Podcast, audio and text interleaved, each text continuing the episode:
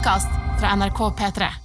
Sørkoreanske Peninsula er et stort zombiesirkus med fokus på action.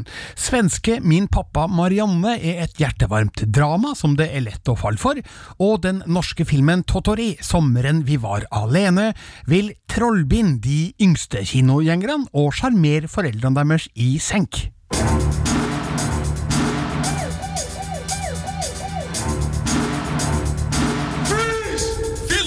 Filmpolitiet! What's your name, dude? Birger Vestmo. What kind of stupid name is that? Ja, velkommen til Filmpolitiet, der jeg er i ensom majestet mens Marte og Sigurd er på ferie. Men en podkast blir det, og i dag skal det altså handle om tre nye filmer du kan se på kino nå. Jeg begynner med Peninsula. 미쳤어. 거길 또 들어간다고? You get the truck, come back with the money. That's $2.5 million per head. If you come back alive.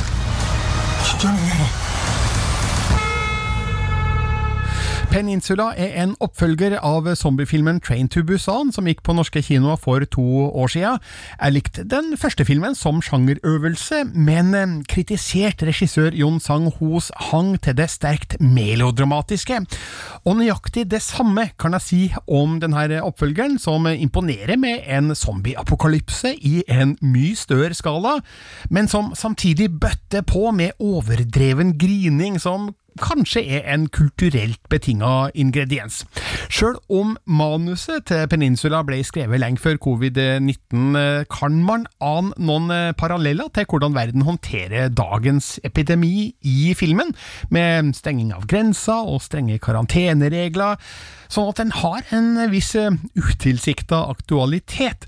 Men det skal det jo ikke, all den tid resten av filmen nøyer seg med å være et stort zombiesirkus med fokus på action, noe som slett ikke er en verdiløs ambisjon. Nå er ingen av figurene fra Train to Busan med i oppfølgeren, så vidt jeg kan se. Hvis noen har info om noe annet, så send meg gjerne en e-post om det. I stedet møter vi Jung Suk, spilt av Dong Won Gang, som lever et eh, usikkert liv som flyktning i Hongkong, etter at hele Koreahalvøya er evakuert og satt i karantene av den katastrofale zombieepidemien som vi så startfasen av i Train to Busan. Fire år senere tar han på seg et eh, farlig oppdrag, nemlig å dra tilbake til den eh, nå isolerte Koreahalvøya for å finne en varebil full av penger i eh, Incheon, landets tredje største by. Han får med seg svogeren Shulmin, spilt av Kim Do-yon, og to andre for å utføre jobben, men når de kommer til den øde byen, så oppdager de at flere overlevende skjuler seg der, blant annet Min Jung, spilt av Jung Hun Lee, og hennes døtre Yun, spilt av Lee Re, og Eugene, spilt av Lee Ye-won. De er overlevere i skjul, som han eh, ganske så utrolig faktisk har en forhistorie med. Det beste med Peninsula er hvordan den utvider den første filmens horisont, og bruker hele byen som arena for eh, apokalypsen. Incheon fremstår virkelig øde og forlatt, sjøl om man eh, kan jo stille spørsmål ved om ødeleggelsene virkelig ville ha vært så store ved en zombieinvasjon, og om naturen egentlig kan ta tilbake en by såpass kraftig etter bare fire år.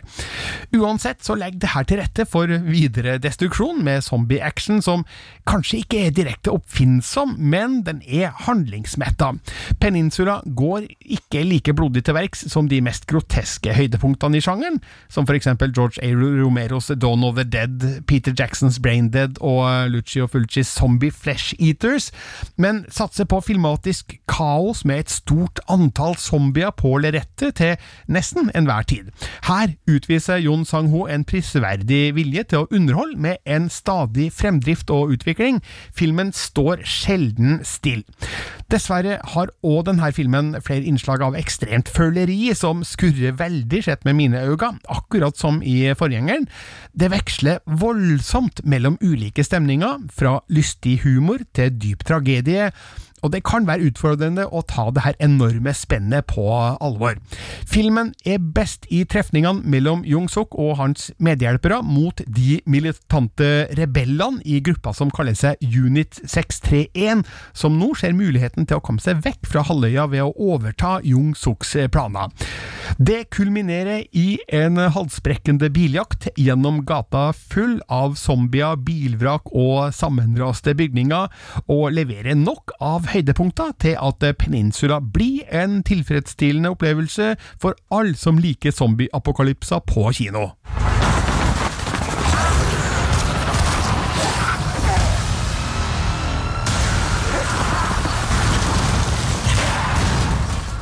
Terningkast fire. Så skal vi til en ny svensk film. Den heter Min pappa Marianne. Det lite konstig stämning med mamma och pappa. Pappa, Hanna tror att du har en älskarinna som heter Marianne. Ska ni skiljas? Det är inget sånt alls. Det kommer gå väldigt dåligt för mig om jag blir skilsmässbarn nu. Jag har vad man skulle kunna kalla en, Lasse, en kvinnlig sida. Min pappa Marianne har form og struktur som en feelgood-komedie, men lodde dyper enn sjangertilnærminga skulle tilsi. Noe av årsaken er godt spill av Rolf Lassgaard og Hedda Stjernstedt i de bærende hovedrollene. Her skildres et nært far-datter-forhold som settes på prøve når pappa kommer ut som kvinne, og relasjonen endrer karakter. Filmen byr ikke på noen lettvinte løsninger på konflikten som oppstår, men viser troverdige trefninger over hele følelsesregisteret. Forutsigbarheten ligger nok på lur hele veien, men Min pappa Marianne er et hjertevarmt publikumsfrieri som er lett å falle for. Vi møter først 28 år gamle Hanna, spilt av Hedda Stjernstedt, som reiser hjem til foreldrene i den lille byen Allingsås etter motgang på både jobb- og privatfronten i Stockholm. Hun flytter inn på sitt gamle rom og får sommerjobb som reporter i eh, svensk televisjons Vestnytt.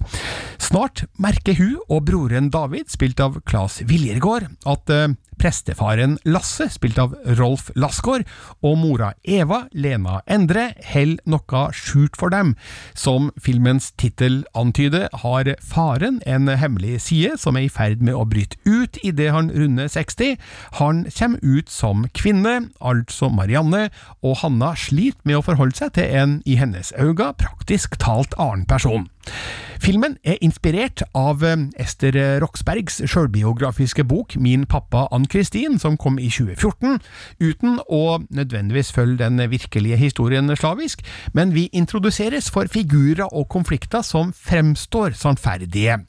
Regissør Morten Klingberg, som òg spiller en birolle som macho TV-fotograf, har funnet en effektiv balanse mellom lun humor og rørende relasjonsdramatikk. Ingen kan påstå at Min pappa Marianne gjør nyskapende sprell, for den er tufta på velkjente sjangerelementer, men det er solid utført, med figurer som er varme og sjarmerende, uten å være sukkersøte, miljøskildringer som er intime og attraktive, uten å være glansa, og en historie som trykker på de rette emosjonelle knappene uten at det virker manipulerende. Den avgjørende kvaliteten er det gode samspillet mellom Rolf Lassgaard og Hedda Stjernstedt, der en mindre erfaren skuespiller kanskje ville ha overdrevet de ytre virkemidlene, velger drevne Lassgaard og gestalt sin mangefasetterte rollefigur med avmålt og beherska verdighet, akkurat som Ingar Helge Gimle gjorde i en lignende rolle i Henrik Martin Dalsbakkens Rett vest fra 2018. Hedda Stjernstedt, kjent fra Vår tid er nå og Fjols til fjells, er òg sympatisk som Hanna, og får godt frem figurens forvirring over å i hermetegn miste farsfiguren hun har vært så nært knytta til. Man trenger ikke være enig i hennes handlinger og synspunkter, men Stjernstedts gode spill gjør at man får en forståelse for Hannas emosjonelle kaos. Lena Endre gjør òg inntrykk som mora, som i begynnelsen ser ut til å være mest opptatt av å holde fasaden, men avdekker etter hvert mer inderlige og dyptgående trekk. Og Claes Viljergård er et funn i rollen som David, som flere ganger skjærer gjennom med sine vittige betraktninger og kommentarer. Ofte er han en velkommen komisk avlastning, men eh, av og til tar han brodden av dramatiske øyeblikk som kanskje burde ha fått være i fred. Min pappa Marianne har flere elementer med snev av eh, klisjé, som eh, Heddas lite realistiske debut på direktesendt TV, konflikten med den nedlatende kameramannen fra Mell, spilt av Morten Klingberg, og den overtydelige konfrontasjonen med gamle venninna som nå er mødre i babyrus. Vi får til og med en dobbel dose av for seint-komming til kirke, et dramaturgisk vink til Helena Bergstrøms figur i Englagård fra 1992. Det er likevel lett å akseptere bruken av velkjente sjangergrep, fordi det er morsomt, velgjort og velment. Kanskje vil noen oppleve at min pappa Marianne forskjønner og rosemale Lasses skråstrek Mariannes kamp, og det er mulig at man ikke blir fryktelig overraska over hvordan det hele ender, men underveis blir man ettertrykkelig mora, underholdt, og man blir varm om hjerterota. Du min bästa vän. Var hela min barndom pappa och det kommer jeg alltid att vara. Är du er det. Terningkast fire. Den siste filmen det skal handle om i denne podkasten fra Filmpolitiet heter Tottori, sommeren vi var alene, og den er norsk. Pappa, går det bra? Du er nødt til å ta med deg Billy og gå tilbake igjen der vi kom ifra. Jeg tror vi har gått oss vill, Billy. Ingen rolig nå. Vi er helt alene nå. Billy, jeg dette! Det er ingen som hjelper oss. Wow. Så hva vil du være? En som legger seg ned og gir opp? Eller en superhelt? Jeg vil være superhelt. Noen familier lager fotoalbum med barna sine, andre hjemmevideoer av ymse kvalitet, og så finnes det noen få som lager spillefilm med dem. Silje Salomonsen og Arild Østin Ommundsen har jobba på flere filmer sammen, Mongoland, Monstertorsdag, Rottenetter, Eventyrland og Now It's Dark, Silje som skuespiller, Arild som manusforfatter og regissør. Nå har de sammen skrevet og regissert et morsomt lite villmarkseventyr med sine egne døtre, Vega og Billy i hovedrollene. Tottori, sommeren vi var alene, fremstår som et overskuddsprosjekt, produsert med små midler, men med store mengder skaperkraft og fortellerglede. Det er òg, som alltid, positivt med nyskrevet filmunderholdning for barn. La gå, da, at historien virker litt liten og flyktig, og at den bare hinter til noen større og mer alvorlige problemstillinger rundt hovedfigurene. De yngste kinogjengerne vil uansett la seg trollbinde av de små jentenes opplevelser i storslått natur, mens foreldrene deres vil sjarmeres i senk. Her møter vi nemlig åtte år gamle Vega, spilt av Vega Østin, og fire år gamle Billy, spilt av Billy Østin. De blir tatt med på fjelltur av faren sin, spilt av Thomas Skjørestad.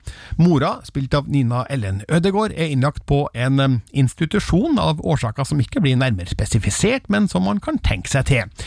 De tre andre i familien trenger derfor et avbrekk ut i naturen, men teltturidyllen blir brutt når faren ramler ned i en grotte og skader seg, mobiltelefonen blir knust, og han må sende døtrene av gårde for å hente hjelp. Vega og Billy har imidlertid liten lyst til å ta seg over en skummel bru på egen hånd, og tar en omvei som viser seg å ta dem lenger ut i villmarka, til opplevelser som rommer både magi og realisme. På overflata er det her et enkelt eventyr med et lettfattelig utgangspunkt, men det her handler òg om å finne mot og styrke i vanskelige situasjoner, sjøl om man bare er barn. Gjennom filmen møter Vega og Billy noen bifigurer, spilt av Kristoffer Joner, Oddgeir Tune og Marit Arnstad, som av ulike årsaker ikke er i stand til å bidra med voksen støtte, slik at jentene blir nødt til å stole på seg sjøl. Det ligger noen mørke sammenhenger og erkjennelser på lur hvis man ser bak den ytre handlinga, og filmen kunne kanskje med fordel gått enda dypere i denne materien. Men for de yngste er det uansett mer enn nok av spenning å finne i det ytre, enten det handler om skumle lyder i skogen, forsering av bratte fjellskrenter eller følelsen av separasjonsangst. Det er ikke rart at kameralinsa simpelthen elsker sine subjekter, siden det er pappa Arild Østin Ommundsen sjøl som har filma det hele.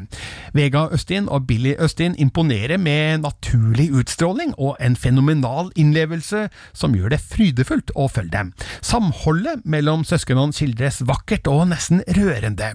Tidlig etableres Vega som den praktiske og fornuftige, mens Billy er den viltre og fantasifulle og man kan nok mistenke filmens figurer for å ikke ligge fryktelig langt unna skuespillernes sanne personligheter.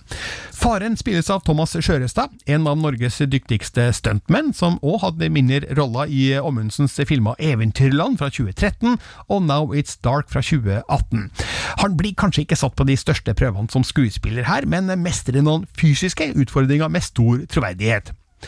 Selskapet Chesville og produsent Gary Cranner har kanskje ikke hatt det romsligste budsjettet til Tottori sommeren vi var alene, men filmen ser alt annet enn billig ut.